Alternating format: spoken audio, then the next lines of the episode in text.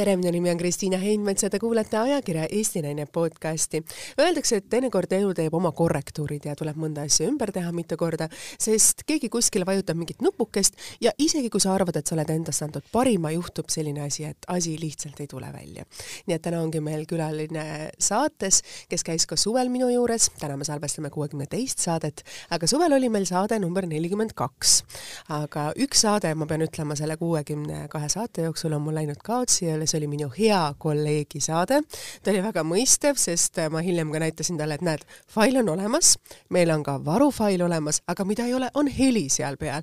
ja täpselt samamoodi kogu Ekspress Meedia, kuidas öelda siis, selline arvutimeeskond otsis ja ütles, et kõik laiutasid käsi, ütlesid, ei tea, milline võluvits on selle faili ära kaotanud, nii et seda saadet meil ei olnud ja eetrisse ta ei läinud.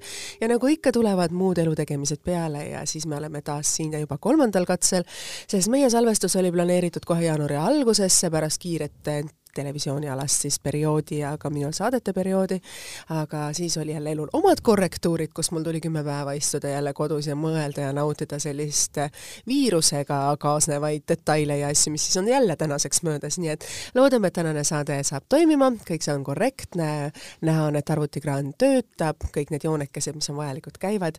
Ja täna on siis saates, ma juba, nagu te kuulsite ja mainisin, et inimene, kes on seotud televisiooniga, ta on minu hea kolleeg, kellega me kohtusime juba kümme kümme aastat tagasi, kui tema oli alles alustav ajakirjanik.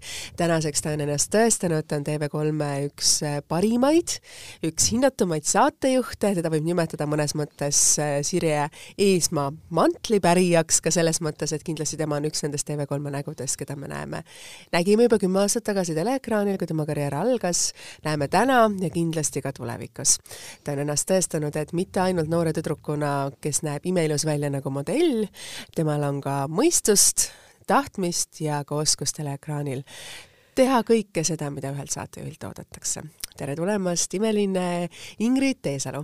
tere, tere, appi, milline sissejuhatus, ma kohe ei, ma kohe ei oska selle peale mitte midagi öelda, aga tead, ma olen mõelnud selle peale, et tegelikult asjad juhtuvad äh, põhjusega ja, ja see, et me oleme siin noh, ütleme niimoodi juba kolmandat korda, et ma arvan, et noh, kolm korda kohtuseadus, teeme selle ära. ja täpselt kolm korda on kohtuseadus ja ma, ma, ma olen siiralt tänulik, et kui ma andsin sulle teada suvel, et ma väga vabandan, ma tõeliselt südamest vabandan, et aa ah, ei ole, ikka juhtub, sest noh, sinu puhul sa kindlasti saad aru, et selliseid asju on olnud, kus me oleme teinud pikalt tööd, käinud hilisõhtul võttel ja mida me tuleme, kaardi peal mida ei ole, on lindistus. ja, ja kujutad sa ette, mul on isegi ükskord niimoodi juhtunud, et äh, olime koos operaatoriga Prantsusmaal Pariisis ja tegime seal viis või kuus lugu, terve noh, päevane võte suvekuumuses, noh, niisugune päris keeruline, keeruline päev ja siis tulime tagasi Tallinnasse ja mida ei ole ei ole mitte ühtegi, ei ole isegi killukest sellest materjalist alles, nii et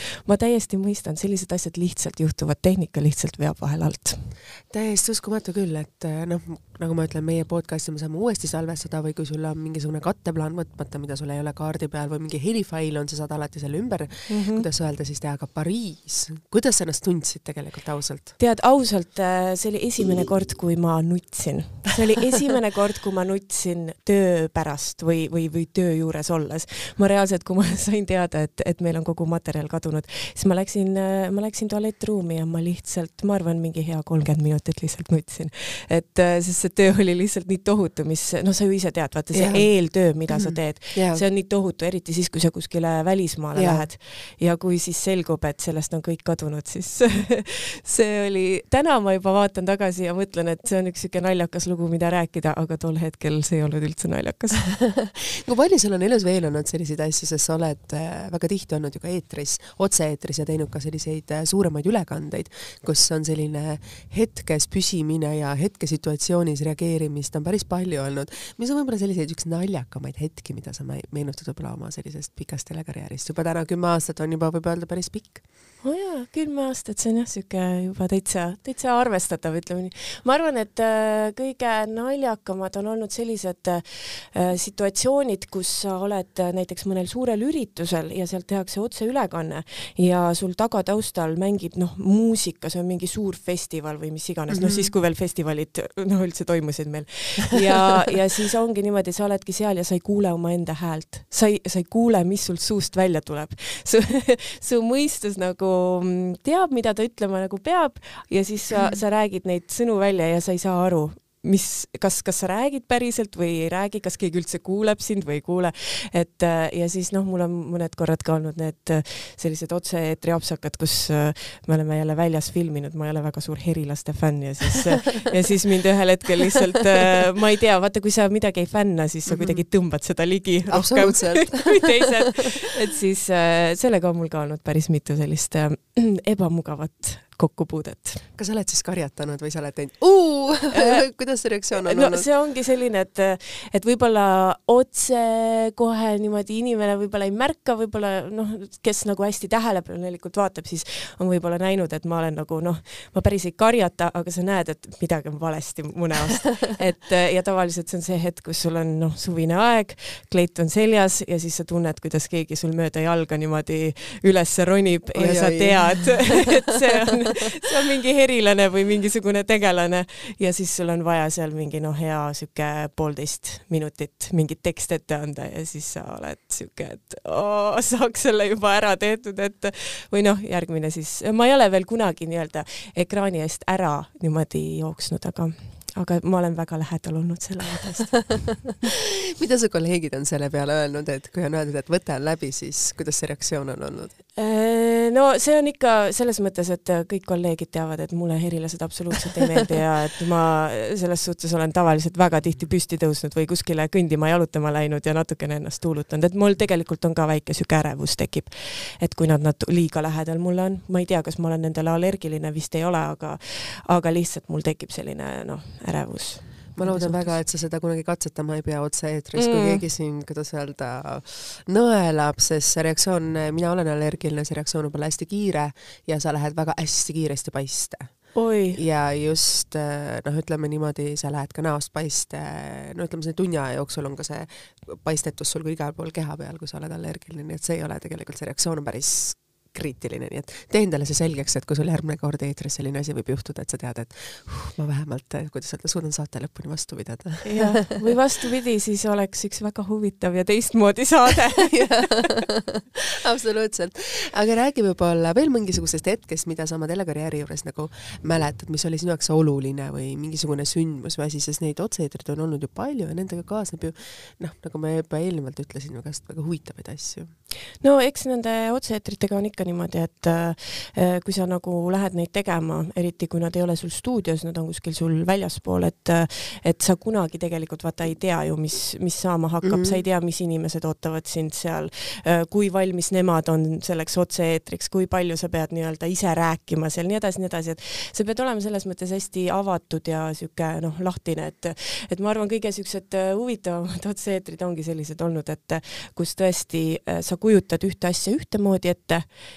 ja siis äh, läheb hoopis kõik teistmoodi ja siis need on võib-olla need hetked ka, kus sa saad aru, et äh, vau wow,, et isegi mm, sellises võib-olla väikeses sellises paanikas või, või sellises teadmatuses, et kui tugev on ikkagi ühe inimese selline mm,, selline soov ellu jääda ja soov mingi asi ära teha, et, et sa, et sa mõtled küll, et sul on, öeldakse kõrva, sul on üks minut aega ja sa mõtled, mis asi see üks minut siis nüüd ära ei oleks, onju. aga kui sul on selline see, et sa pead midagi ära tegema ja sul on nagu noh, kiire, kiire, kiire, sa ei kujuta ette, kui palju sa suudad ühe minuti jooksul ära teha, kui palju mõtteid sa suudad ära mõelda, milliseid tekste sa suudad koostada oma peas, et, äh, et noh, et see kanda siis ühe minuti pärast ette, et see on lihtsalt uskumatu, et kui sa vahel niimoodi istud kontorilaua taga ja oled seal uimerdanud juba kolm tundi ja ei suuda mingit kahte rida noh, nii-öelda kirja panna, et see on nagu üks niisugune faas, kus sa oled, aga siis on see teine, kus sa oled nagu noh, sa oled ikka noh, terav pliiats sellel hetkel. see adrenaliin tegelikult, mis kaasneb ju televisiooniga ja just ongi see, et sa suudad ühel hetkel kontsentreeruda ennast ainult mm -hmm. selleks ühe hetkeks ja sooritada seda suurepäraselt, sest otse-eetris on, nüüd läks käima ja sa oled teine inimene tegelikult, sul käib sees mingisugune spetsiaalne klikk ära, kas sul on ka see olemas? ma arvan küll jah, et selles mõttes, et see ja see tuleb ajaga ka mm, -hmm, et yeah., et mida rohkem sa teed, et näiteks noh, mida rohkem sa näiteks podcast'e teed, vaata esimesed on sellist, sul on hästi palju peas mõtteid, et kuidas, mis ja mida rohkem sa nagu oled seda teinud ja mida noh, see ja. ja see lihtsalt kuidagi nagu see samamoodi iga, iga saate või sellega, et see kõik tegelikult vajab harjutamist ja ma noh, ma mäletan, et kui ma alustasin, siis ma olin ikka väga pabinas kogu aeg, et aga nüüd on pigem nagu noh, see harjutamine ja see, see kõik noh, sa saad hakkama sellega sa.... teleekraani vabadus, võib-olla mina nimetaksin seda, et mm. sa lähed ekraanile, sa ei mõtle selle peale, et keegi sind filmib ja võib-olla kümme tuhat või viiskümmend tuhat inimest tegelikult vaatab sind selle mm, läbi selle kaamera. ja, ja kui sa oled äh, seal stuudios ka, et ega selles mõttes äh, ma ütlen, et võib-olla niisuguse väikese grupi ees, niisugune viis-kümme inimest esineda näiteks mõnel koosolekul päriselt, see on, see on, see on tõsi. keerulisem. see on palju keerulisem, sest kõik vaatavad sind, aga kui sa oled seal stuudios, sul on seal stuudios võib-olla heal juhul kaks inimest ja siis kõik ülejäänud on peidetud selles äh, väikeses selles äh, toakeses, kus on need ekraanid, on ju, et siis sa nagu põhimõtteliselt mitte kedagi ei näe, sa oled lihtsalt sina ja kaamera ja, ja keegi veel, et see ei ole nagu, see, see õhkkond on hoopis teine see on ju armsalt kirjeldad seda. See väike ruumike jaa, ma tean seda väikest ruumikest nagu väga, et noh, see väga väike tegelikult ei ole, neid kaameraid on ju nende, tegelikult nende kraanade otsas ja. ju palju, et kui meil siin podcast'is on kraanade otsas no mõnes mõttes need mikrofonid, siis seal on ikkagi, ma arvan, inimene, kes ei ole harjunud kaameraga, siis on selline äh, post, mille otsas on kraana, kus siis seda kaamerat liigutatakse teinekord ka meetri kaugusel ja ta tuleb mm. kuskil sul selja tagant või, või eest või tagant või otse ülevalt, siis ma arvan, inimene, kes ei ole harjunud, siis oleks nagu vägagi šokis ja ehmataks ja no, hüppaks ja karjuks seal. kuhu vaadata ja, ja. ja kuhu seda pilku suunata, aga noh aga noh, see on, ma räägin, see on kõik selline aja, aja küsimus ja ausalt ma arvan, et ükskõik, kes nagu tahab seda tööd teha ja kui sul on nagu see tõesti see endal see soov olemas, siis äh, äh lihtsalt tulebki leppida sellega, et alguses ongi väga ebamugav lihtsalt ongi, sul ongi ebamugav, sest sa ei ole, sa ei tea, kuidas mingeid asju teha, aga siis ühel hetkel see ebamugavus kaob, see on niisugune aja küsimus ainult. sa räägid nii ilusasti ja kenasti, aga sa oled ka väga palju reisinud, sest sa tegid ju ka välisuudiseid mm., olid väliskorrespondent ju TV3 uudiste jaoks. Ja mis on võib-olla kõige ägedam reis, mida sa meenutad, ma mäletan, kui sa tegid neid äh, kandeid Donald Trumpi ajal, olid New Yorgis seal Donald Trumpi plaasas, kui need valimiste perioodi ja ma mõtlesin, et issand jumal!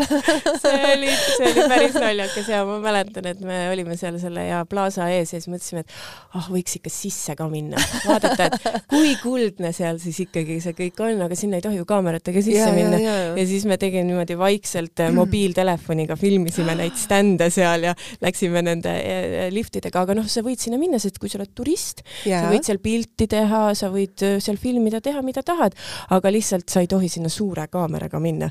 ja siis me tegime niimoodi, et tegime kohe nagu mingi pika reportaaži sealt, et äh, vaatasime kõik kuldsed seinad üle ja nii palju, nii kaugele, kui meid lasti, nii kaugele lasti ja et. ja kas päriselt mobiiltelefoniga tegite ja, selle loo? jah, see oli kõik mobiiltelefoniga, kahekesi filmisime ülesse ja mõned kaadrid olid natuke salaja filmitud, mõned kaadrid mitte nii salaja filmitud, aga jah, aga ma arvan, et see reis oligi sihuke kõige, me olime New Yorgis siis, kui mm -hmm. Donald Trumpist sai president ja yeah. see oli äh, kõige selline meeldejäävam, sest et äh, turvameetmed olid ju meeletud tegelikult seal. ja turvameetmed ja teine asi on see, et kes on olnud Times Square'il ja teab, kui ähm,, kui palju inimesi seal on, kui palju autosid, kui kärarikas see koht tegelikult on. ja siis, kui sa kuuled, oled seal kohapeal ja siis öeldakse, et äh, no nüüd on kõik, et äh, Donald Trumpist saab järgmine USA president ja sa oled selle suure platsi peal, kus on tuhandeid inimesi ja sa reaalselt võid kuulda, kuidas see noh, kuidas inglise keeles you can hear the pin drop, et see on nii vaikne. Ja sa, ja sa vaatad ümberringi ja inimesed lihtsalt nutavad. Wow.. et see oli see moment, ma arvan, see ei lähe mul mitte kunagi nagu meelest ära.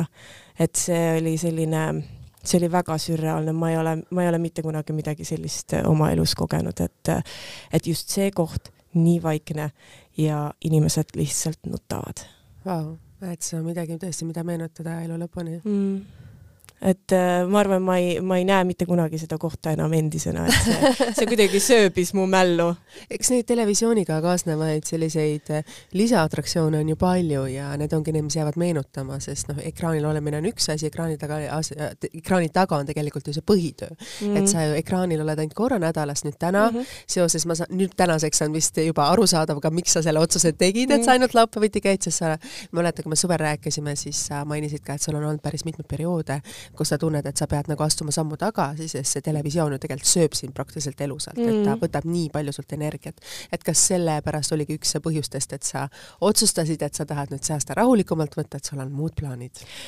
no see on niisuguste asjade kokkulangevus jah mm, -hmm, ütleme mm -hmm. niimoodi ja, ja see oli sel-, selles mõttes oli see hea, et ma lihtsalt läksin sellega kaasa, et, et ma mõtlesin, et noh, e-, esimene võib-olla variant oli see, et võib-olla ma ei oleks nagu kunagi kujutanud seda ette, et ma näiteks nädalavahetuseti töötan, sest et tavaliselt siis on see ju aeg, kui kõik inimesed puhkavad yeah.. aga tegelikult lõppkokkuvõttes see pigem on olnud nagu just hea ja noh, arvestades seda, et ma ootan last ka, et siis äh, palju õnne, palju õnne! aitäh, aitäh, aitäh! et see tegelikult on jah, selles mõttes äh, see niisugune aja mahavõtmine, et tegelikult see on nagu tervisele ka väga hästi mõjunud ja nagu sa ütlesid ka, et et noh, sa tead ise ka, et televisioon, kui sa selles väga kaua sees oled, siis ta nagu hakkab sind kiskuma igatepidi paremale-vasakule, et sa nagu võid ennast natukene seal tõesti ära kaotada.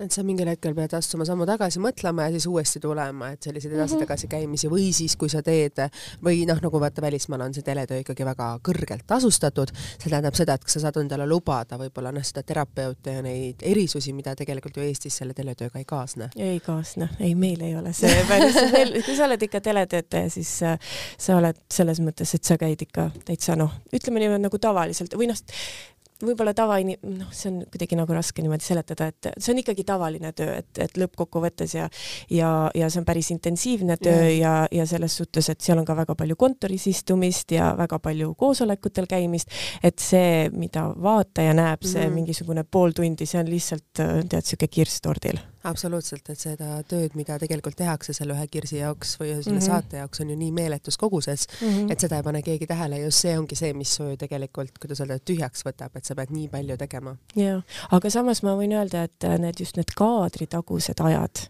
on armsad. Need on armsad mm, -hmm. need on, see on see koht, kus sa nagu õpid oma kolleege tundma, need on need hetked, kus need naljad tekivad, kus ka raskused tekivad, mida te nagu nii-öelda koos ületate yeah., et see on, see on see aeg, mis noh, mida sa reaalselt väärtustad kõige rohkem, see ekraanil olemine, see läheb niimoodi juhti mööda ja sa nagu ei mõtle sellele nii väga, aga just need, need momendid, et kuidas sa sinna nagu jõuad, et see on kõige nagu, kõige ilusamad alati sa ootad nüüd oma last ja sa teed ikkagi ju televisioonis neid saateid, kas on mingisuguseid erisusi sul olnud või sul on kõik kulgenud nagu rahumeelselt ja et sul on nagu hästi olnud, sest noh, me kunagi ei tea, rasedused on ju väga erinevad ja need lapse ootused on ka väga erinevad. Äh, tead, mul on enam-vähem hästi läinud, ma tegelikult äh, võib-olla see, need esimesed kuud olid sellised äh, veidike keerulisemad, nagu noh, paljudel on keerulisemad.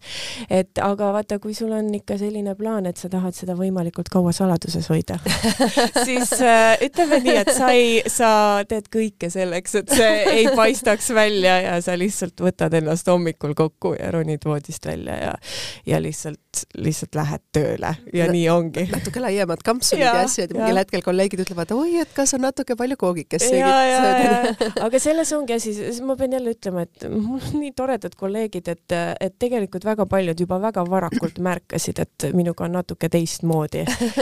ja noh, aga saad aru, kõik olid nii taktitundelised.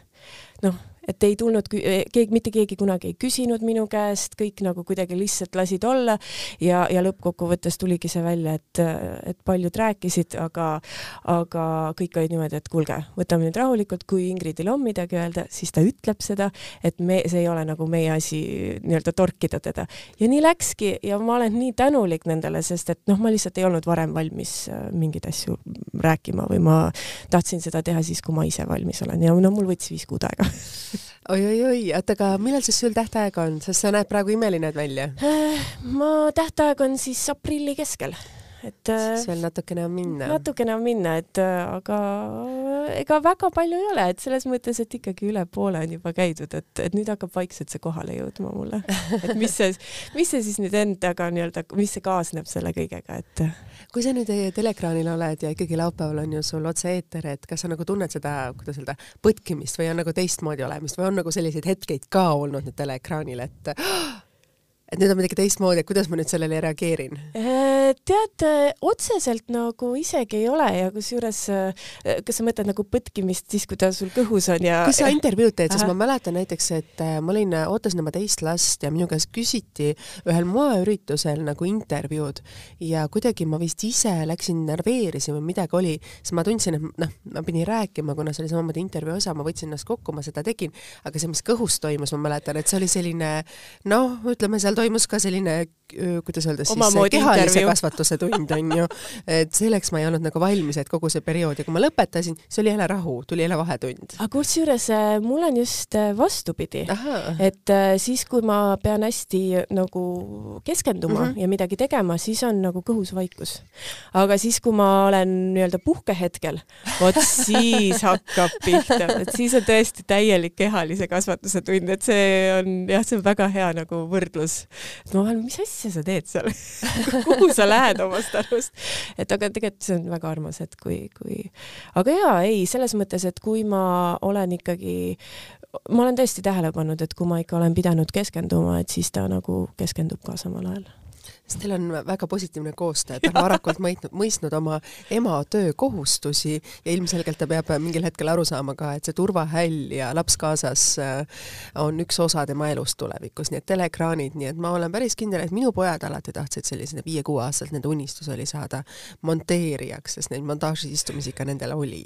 ja, ja, ja, ja noh, me enne ju rääkisime ka sinuga, et see, see teletöö ikkagi on ju selline, et, et lõppkokkuvõttes sa ikka võtad kõik oma võsukesed sinna kaasa, et noh, kõik need, see kellaajad, värgid, särgid, kuidas seda elu klapitada, et eks ma näen siin oma kolleegide pealt ka, et, et alati ei ole niimoodi, et sa saad näiteks lapsed koju jätta või, või kellegi hoolde viia, et siis nad on ikka kaasas, aga noh just see viimase hetke asi, et äh, millega sa hakkad kokku puutuma, et sa ärkad üles, sa oled planeerinud terve oma päeva ära, lapsel on nohu lihtsalt hommikul mm -hmm. ja sa ei saa teda lasteaeda viia, eriti praeguses olukorras, kus reeglid on väga karmistunud, isegi kui tal võib olla selline allergiline nohu, mis minu laste puhul on väga tihedasti olnud, et siis ongi, siis sa pead hommikul otsustama, kas ma nüüd ütlen, jätan oma need planeeritud võtted ära või sa võtad lihtsalt lapse kaasa mm. -hmm. et see selline, õnneks on see teletöö jah, see, mis võimaldab seda mänguruumi omada, et on ka ju töökohti, kus ei saa teda kaasa võtta, et ja, sa töötad McDonaldsis äh, hamburgeri tegijana, sa ei saa seda last sinna kaasa võtta, no kus sa ta paned, seal on ju reeglid teised. just, just, just.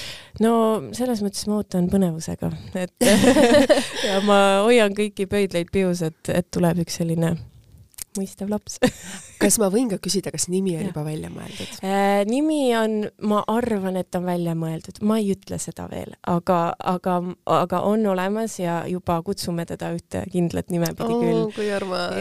aga eks see ole selline, et me lihtsalt sellepärast ei ütle, et, et et noh, vaata, kõigil on see, vaatan otsa ja siis vaatan, et kas on ikka seda nägu või, või ei ole või ma ei tea, kuidas sinul see nimepanek nagu käis, aga, aga. minul oli, igale lapsele oli põhimõtteliselt üks nimi nagu valitud, et Aha. Äh, meil tulid nagu suguvõsast nagu esivanemate nimed olid vanavanaisate nimed, on mm -hmm. siis meil Kindlus ja Leonhard mm, -hmm. tulevad siis mul laste isa poolt ja minu tütar on Amelie kes on siis minu vana-vanaema oli Amelie ja tema siis on see oh., Amelia oli tema õigemini, me panime prantsusepärasemalt Amelie siis mm, -hmm. et tema nimi tuli sealt ja siis teised nimed olid kuidagi nende variantide seast laps ise valis oh.. kuidagi, et sa vaatasidki talle otsa ja siis sa nagu tundsid, jah, ta nüüd ongi päriselt seda nägu ja ta jah, päriselt ongi nagu selline, et et ega neid noh, valikuid on ikka ja see on ju tegelikult keeruline asi, et sa sinu, sinule, sinule kui lapsevanemale usaldatud midagi ei, äh, teise inimese puhul, et sa pead talle edasi andma ja see määrab nii palju ja noh, ma usun ka selles mõttes numbritesse ja nimedesse ja tähtedesse, et näiteks R-täht on minu jaoks alati olnud, et oleks sees üheski mm -hmm. lapses nimes mm, -hmm. et see annab nagu tugevust või sellist, et äh, olen ka seda kuulnud ja et, et see R-täht peaks kuskil nagu nimes või, või kui on kaks nime või kolm nime, mis iganes, et see võiks kuskil nagu niimoodi peidetud olla, et ja äh, jah, see selles mõttes sul on väga õigus, see on väga suur vastutus lapsele nime panna, et ta peab ikkagi selle nimega ju terve oma elu elama. jah, absoluutselt. et noh, mina tahtsingi teha valikut, miks mu lastel on võib-olla natuke teistmoodi nimed, et ma tahtsin, et need nimed tuleksid nagu suguvõsast ja ise nagu räägiksid nende lastega mm. -hmm. et ka need nimed ju, mis sai valitud nende esivanemate seast, olidki need, ma tundsin, et noh, need ongi nagu need asjad ja need õiged otsused et see on selline keeruline protsess, see saab olema sul väga huvitav, nii et siis ma kindlasti helistan, küsin ja mis sai selle pisibeebi nimeks. kas ma võin ka küsida, ähm, kas meil on roosad äh, papukesed valmis pandud või helesinised äh, no, või see on veel saladus? ma, ma ei ole seda kuskil öelnud, aga ma võin seda siin öelda oh,. väga armas. nii et kallid kuulajad, Ingrid Teesalu avaldab, milline tema beebikene saab olema, kas roosadest tutikestes või helesinistes äh, pruusikestes? helesinistes. oo, kui armas, palju pojad õpetavad meile palju. Nemad, nemad õpetavad meile naiseks olemist ja tütred on need, kes siis jagavad meile tavaliselt hellust, et see on nagu minu kogemus oma kolme lapse puhul. No väga, väga põnev, ma nii ootan seda, et ma, kusjuures see on huvitav, et ma olen alati just tüdrukutega noh, kokku ja, puutunud. Mm -hmm. ja, ja ma ausalt öeldes väga po väikestest poistest ei tea midagi või mis, kuidas, kuidas nendega mängida, mis neile meeldib või mis, kuida-, noh, mul on nii palju küsimusi kohe, et kuidas, kuidas ühte poissi nii-öelda kasvatada, et see saab olema kindlasti üks väga-väga põnev äh, selline teekond. poisid õpetavad palju, kas või seda, et äh, peale nende printsesside muinasjuttude on olemas ka autode muinasjutud, traktorilood ja rong Toomas on meil olemas nii et äh, sa varsti juba nendega tutvud päris tihti, päris, päris tihedasti. väga tore, väga tore, ma ei jõua ära oodata. et äh, see saab olema üks huvitav teekond, jah nii et väga ootame niimoodi.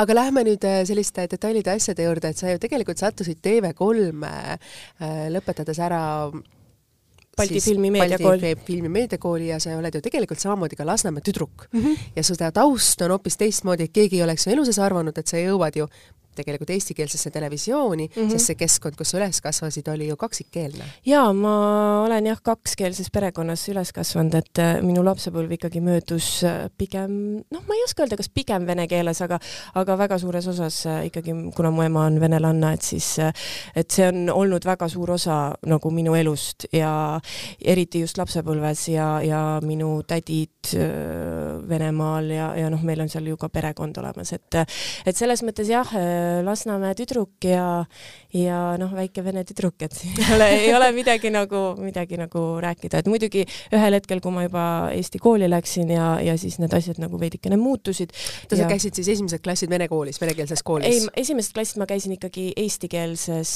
äh, koolis, aga enne seda, kui meil oli, kui ma käisin lasteaias, siis meil oli selline huvitav lasteaed, et äh, et seal olid äh, vene ja eesti poisid-tüdrukud olid kõik nagu segamini, et siis oligi niimoodi, niimoodi, et kakskeelne lasteaed? jah, et põhimõtteliselt äh, sai seal nii ühte kui ka teist keelt räägitud, et seda ma mäletan päris hästi, aga, aga siis edasi ikkagi läksin Eesti kooli ja ja selles mõttes, et kui keegi küsib, ma olen ikkagi nagu eestlane et selles mõttes ei ole nagu küsimust, aga eks see ole niisugune jah, päris suur niisugune osa ja kui sa oled Lasnamäel ka üles kasvanud, siis noh, sul oligi, seal on noh, väga suur vene kogukond, et et kus sa ikka seal oma sõpru leiad, ikka, ikka sellest samast kogukonnast. kes sul seal sealsamas majas nagu elavad. ja, ja just naabripoisid, naabritüdrukud. ja tegelikult me kasvame ju noh, ma olen ise samamoodi Lasnamäelt pärit ja minu jaoks ongi see nagu hästi huvitav, et paljudes on nagu sellist nagu, suhtutakse nagu kuidagi sellise eelarvamuste asjadega, kui sa kasvad selles ühiskonnas üles, see on nagu normaalsus sinu jaoks, et sa ei mõtle selle peale, et on nagu eri rahvused. ja, ja, ja see kuidagi ma ei oska öelda, see hästi palju avardab sinu sellist äh, ja. vaatevälja ka, et, et kui äh, noh, ikka oled ju, leiad ennast mingitest sellistest olukordadest, kus keegi teeb näiteks kommentaari kellegi rahvuse kohta, et oh, ta on venelane või noh, mis iganes, onju. ja see on noh, sa, sa tunned, et sellel on mingi niisugune halvustav toon mm -hmm, on juures yeah., siis äh, kuna sul on see kogemus olemas mm -hmm. mingi teatud grupi inimestega mm, -hmm. siis sa nagu ei, sa, kui sa ei lähe sellega kaasa või sa nagu, sa suudad nagu teha mõista, et kõik ei ole päris niimoodi must ja valge. et, et oi, see Putin ütles nii ja naa, aga Putin ei ole Venemaa, on ju, et selles mõttes, et noh, igas sellised yeah. väiksed asjad, et me ei saa nagu kõike ühte patta panna. absoluutselt, et lahterdada kõik nagu mm -hmm. ühe mhm. reegli järgi, et see on absoluutselt vale ja et ja, ja tegelikult erinevatel kultuuridel on nii palju äh, meile pakkuda ja selles mõttes see on lihtsalt meie asi see kõik nii-öelda vastu võtta ja noh, läbi filtreerida see, et, et mida me saaksime nii-öelda oma ellu tuua selleks, et selleks, et meie elud oleksid äh, värvirohkemad ja et, et meil oleks nagu noh, et me suudaksime näha maailma laiemalt. ja et me suudaks näha maailma laiemalt ja et me oleksime ise ka õnnelikud ja me ei peaks viha mingite asjade pärast olukordades, mis tegelikult ei vääri seda üldse. absoluutselt, mul on see väga-väga elulised jutud juba meil siin aga mida sa mäletad oma lapsepõlvest, sest äh, Lasnamäel on imelisi kohti äh,. ma tean, et sa oled ise ka suht sarnasest kandist, et äh, täna, kus on nüüd ehitatud need äh, jäähallid ja need Selverid ja kõik need Tähesaju mm. sitid ja kõik see, see valdkond, siis mina kasvasin üles üles sealsamas kõrval mm, -hmm. seal oli ainult üks suur võsa, seal oli mets, seal olid tiigid, ma käisin seal, vabandust väljenduse eest, ma nüüd äh, meenutan neid aegu, koopaid kaevamas tütarlapsena, mulle väga meeldis seda teha ja ka seal oli triitoneid püüda, nagu neid selliste asjade siis mäletan. no vot täpselt, et mis on need asjad, mida sina mäletad sellest, et see oli nagu hoopis teine, see oli nagu hoopis teine maailm. see oli hoopis teine maailm ja tead, kõik, mis sa praegu nagu räägid, see on täpselt minu lapsepõlv et äh, ma mäletan ka neid väikeseid väikesed tiigikesed, ma mäletan, et me noh, uskumatu võib kõlada, aga me ehitasime parve. tean, sai ka tehtud uputud ja, ja emale valetatud, et ma kogemata kukkusin porilampi täpselt nii ongi, et äh, ma mäletan seda nagu nii hästi ja, ja siis sa mõtled, et oota, mis tiigis, kus sa käisid, mis mõttes, mis, mis parve sa käisid ehitamas äh,? sealsamas, kus on see Lasnamäe City ja. Market või, või ja, ja. Lasnamäe tsentrum, seal oli kunagi üks väike tiigike. tiigid, tiigid, seal oli mitu tiiki kohe. meil oli ära jagatud juba, kes, kelle ala on, et võõrasse alasse ei tohtinud minna ja teine asi, oi, seal olid kasside toitmine näiteks, no ma nüüd ei tea, aga, aga, aga kunagi ju sai käidud ja läksid sinna turule, ostsid siis ähm, kala, onju, mis nüüd on mingisugune, ma ei mäleta, mis kalad seal olid, aga igal juhul mingi odav kala oli ja siis läksid ja siis äh, käisid äh, nende mm, majade juures ja siis seal olid äh, kassipojad, siis käisime neid toitmas ja, ja saime igasuguseid huvitavaid äh, nahalööbeid ka ausalt öeldes sellest, aga noh, see kõik käis selle Lasnamäe elu juurde, et see oli sihuke, see oli jah, see, see oli nii, see oli nii lahe aeg, tead, kui ma mõtlen selle peale, see on lihtsalt noh, ma tean, paljud inimesed ei usu, mis mõttes, kuidas saab Lasnamäel olla lahe aeg? Ja inimesed on nii suurte eelarvamustega aga noh, kõik see ja see kamba vaim ja siis vene ja eesti lapsed ja siis kõik mängisid kuidagi koos ja ja, ja, ja kui noh, kulli mängisime, ma mäletan, jooksime nende platside ja asjade peale, et siis ei olnud vahet, et kas sa oled eestlane või venelane, et selles mõttes kulli oskavad kõik mängida, et sul, sul ei ole selles mõttes vaja teada nagu keelt, et noh, see oli tõesti, see oli teistmoodi aeg ja see oli väga lahe aeg ma, sa räägid nagu minu enda lapsepõlvest, et mul olid äh, täpselt samad ilusad mälestused ja minule endale teeb hästi haiget, kui Lasnamäed kasutatakse nagu halvustavas kontekstis, et et äh, ega need inimesed, kes seal elavad, see võib-olla ei ole nende valik, et nad võib-olla tahaks ka elada suures uhkes lossis mm. kuskil hoopis teises linnajaos, aga see on nende kodu ja nad armastavad seda ja selles mõttes inimesi lahterdada sellega, ah sa oled Lasnamäelt, vaid see on nagu hästi, hästi nagu selline kitsarinnaline ja, ja madal, et selle vastu ma ise olen ka kirjutanud neid, noh, kuidas öelda, artikleid ja selle aasta vastu, vastu nagu astunud, et et see ei ole õige. see ei ole õige ja, ja, ja tegelikult seda on üllatavalt palju, et et päästame nüüd Lasnamäe maine ja ütleme koos, üheskoos, et Lasnamägi on tegelikult üks, üks väga tore paik. väga armas paik on.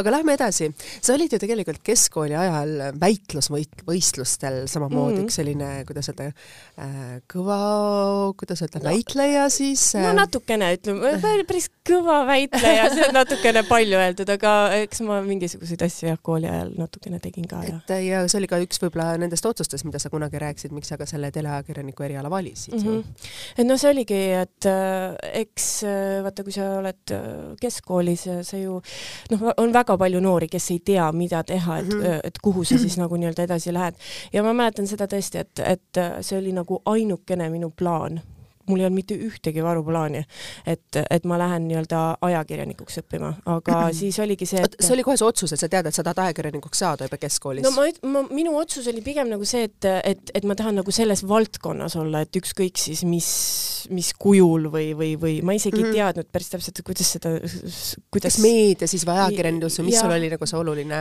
pigem nagu see meedia ja võib-olla noh, ma mäletan, me tegime koolilehte ja tegime igasuguseid noh, asju kooli ajal, et mm -hmm. Et see kõik, et, et ma oleks nagu võib-olla selles samas mm, sellises keskkonnas, et mulle väga see keskkond nagu meeldis.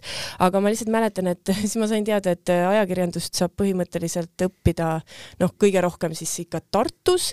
Ja ma ei tahtnud Tartusse minna, ma tahtsin Tallinnast ma ei tahtnud ka Tartusse minna, ma tahtsin Tartusse ajalugu minna. No, või siis, äh, või siis äh, geograafiat või sellist asja, et minu unistus oli kunagi saada arheoloogiks no,.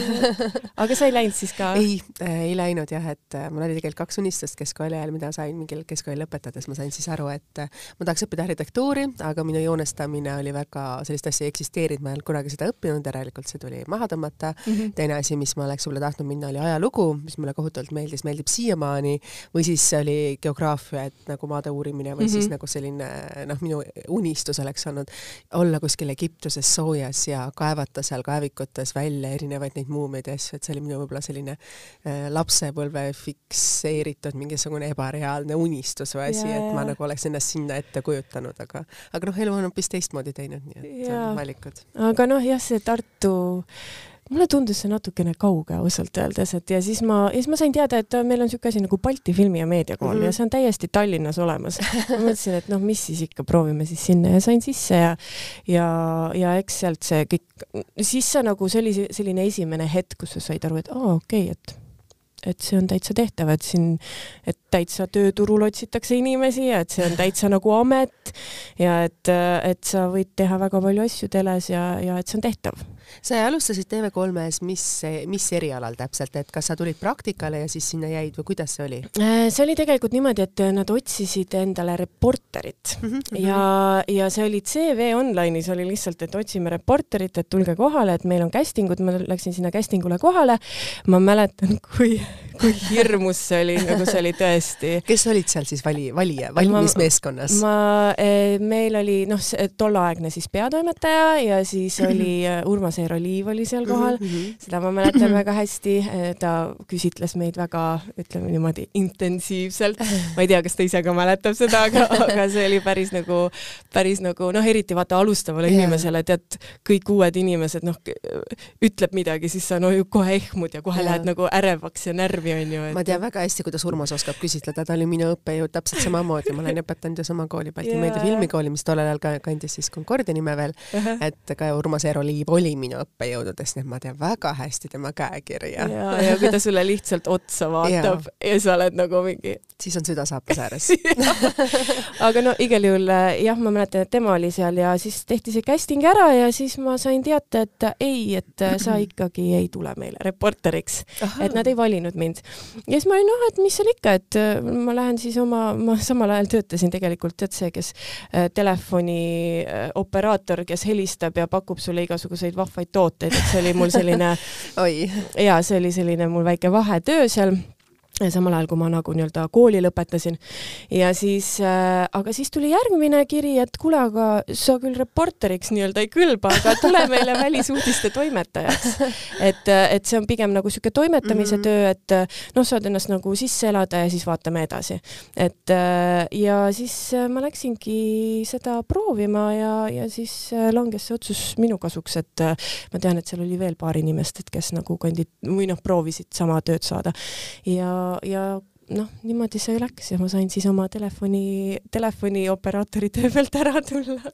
kindlasti see telefonioperaatori töö tuli sulle kasuks, sest sa ju õppisid rääkima ja, ja see oma hääle kasutamine igapäevaselt on see, mis arendab seda häält. ja, ja et see kindlasti, need olid siuksed naljakad kokkusattumused, et ja siis järgmisel hetkel sa enam ei räägi mitte inimestega telefonis, vaid sa oled väikeses putkas äh, mikrofoni ees ja loed hoopis mingit teksti ette, et see on noh, sihuke, see on nii naljakas, et kolmapäeval kolmapäeval veel tegin seda tööd ja siis neljapäeval teed juba järgmist tööd, et see on noh, siuke suht sürr. mida sa mäletad oma võib-olla esimestest nendest aast-, esimestest nendest tööpäevadest TV3-s, sest ma tean seda, et ma ise töötasin seal ja iga suvi tuli meil nagu sellised, ähm, kui ma ise läksin tagasi pärast siis oma teist last mm, -hmm. siis samamoodi nagu see kiirus on sul ära ununenud, mis kaasneb selle teletööga ja siis ma olen, pean ütlema suur aitäh sulle, Sirje Eesmaa, kes samamoodi mind aitas ja toetas, sest noh, ma olin olnud samamoodi kahe lapsega järjest pikalt kodune, küll juhtinud erinevaid telesaateid, aga noh, teha seda toimetaja tööd, et kirjuta nüüd poolteist minutit või kirjuta mulle nüüd üks minut, kirjuta mulle kaks minutit, noh, see oli ära unustanud, et kuidas sa pead kirjutama, mismoodi sa pead te tegema, sest noh, me teeme ju ka eelmontaažid.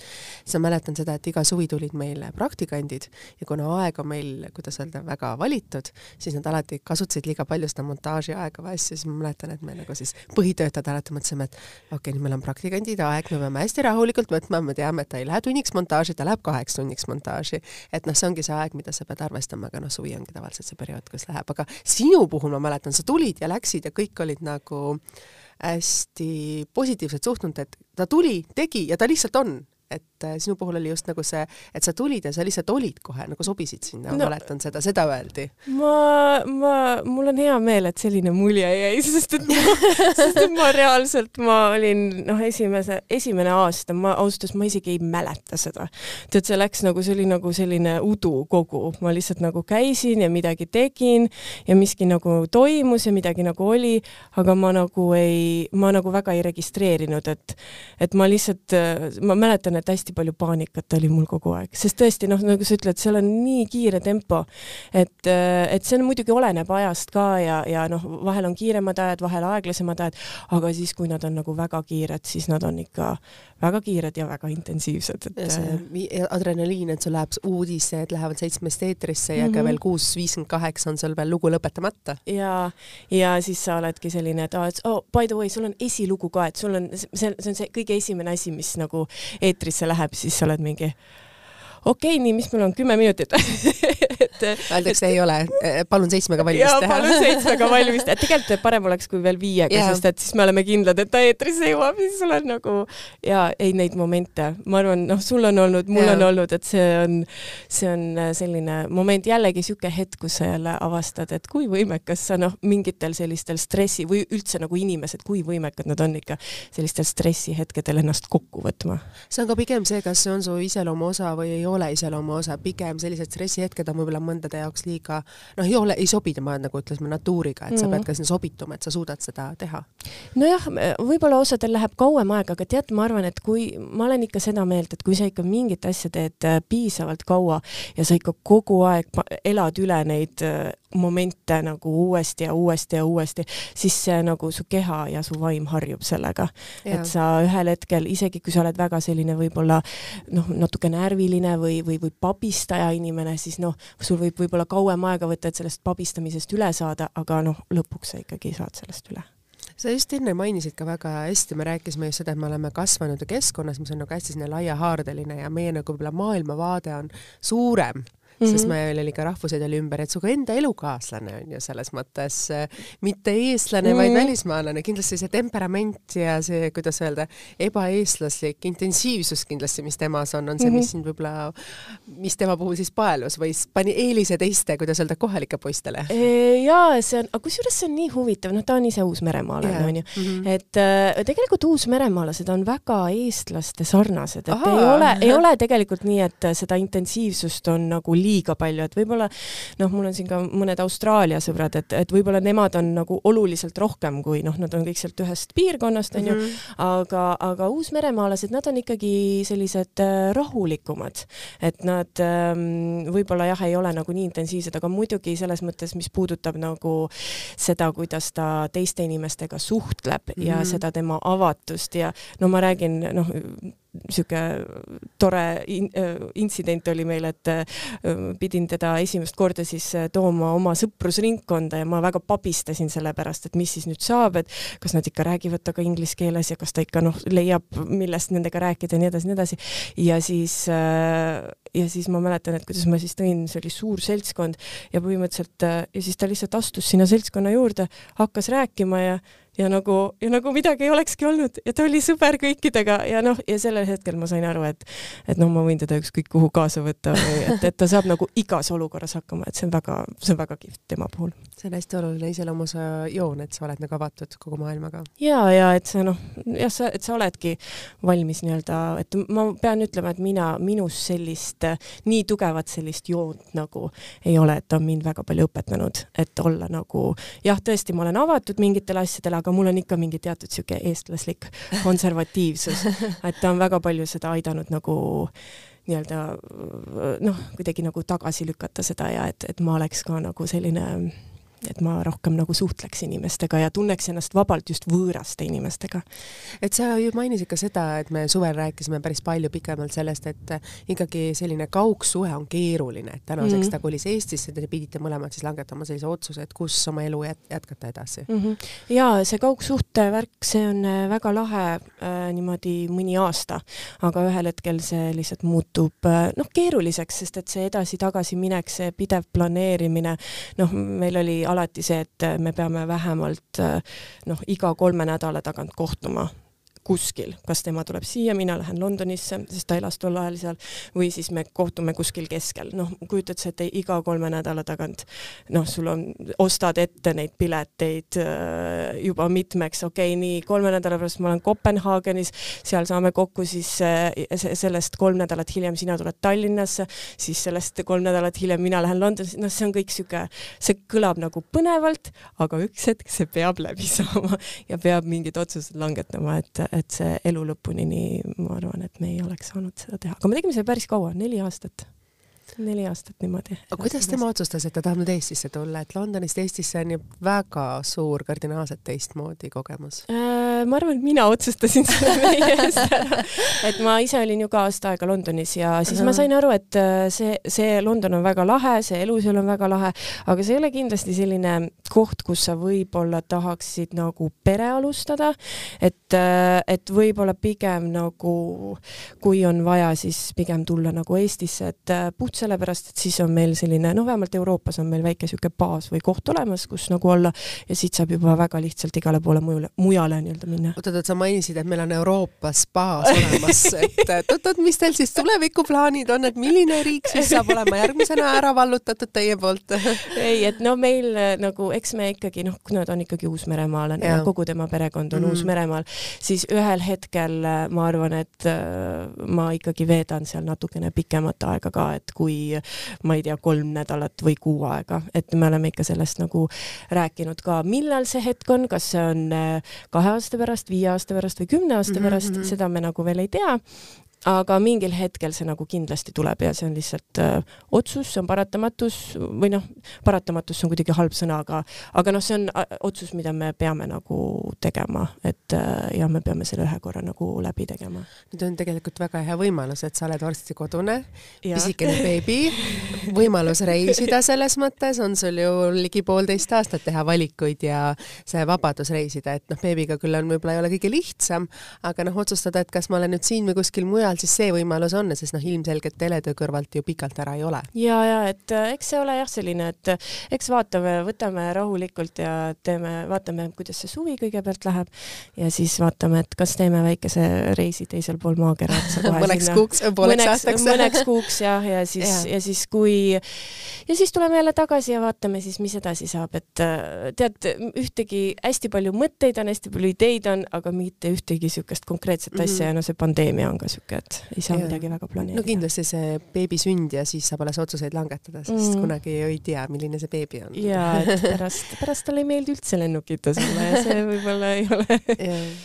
aga no. mis on see, mis sind elukaaslase juures nagu paelus või mingisugune siuke detail või asi, mis oli temas sellist erilist, mis võttis sul siis öelda need jalad alt ära?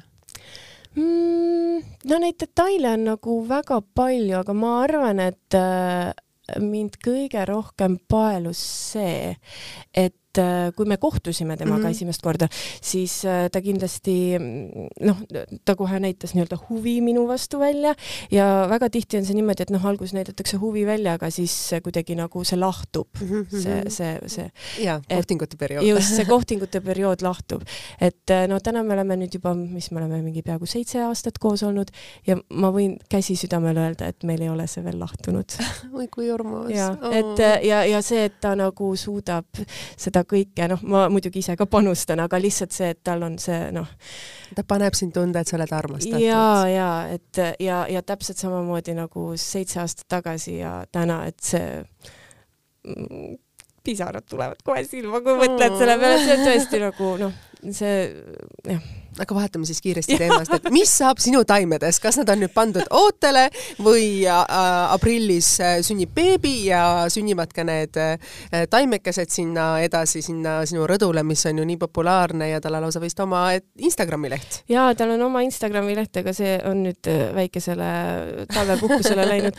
et äh, tead, ma ei tea, ma natukene ikka midagi seal kasvatan, aga no ma pean ikkagi realist olema, et kui ikkagi väike laps sünnib, et siis tuleb kogu see aur ja, ja, ja tähelepanu ikka sinna äh, nii-öelda panna, et, et ei saa siis äh, noh, ma, ma, ma lihtsalt, ma kujutan ette, et see on päris, päris palju tööd on, on väikese beebiga, et ma liiga, liiga palju nagu plaane ei tee selles vallas, aga no võib-olla midagi natukene siin-seal ikka, et, et väikest vaheldust, et lapsed ju magavad ka vahepeal, et siis siis, siis saab midagi muud nii-öelda kuidagi enda meelt lahutada. väga armas on näha sind siin stuudios taas kord nüüd pool aastat hiljem, kus on nii palju muutusi sinu elus tegelikult olnud ja kui teistmoodi on see meie tänane intervjuu, kui ta oli pool aastat tagasi. on jaa, täiesti teistmoodi, et ja ma ise tunnen ennast ka teistsugusena ja laps annab nii palju ja muudab meis nii palju. jah, nii on, et äh, ja et mul on tegelikult hea meel, et see esimene ei läinud eetrisse. mul ka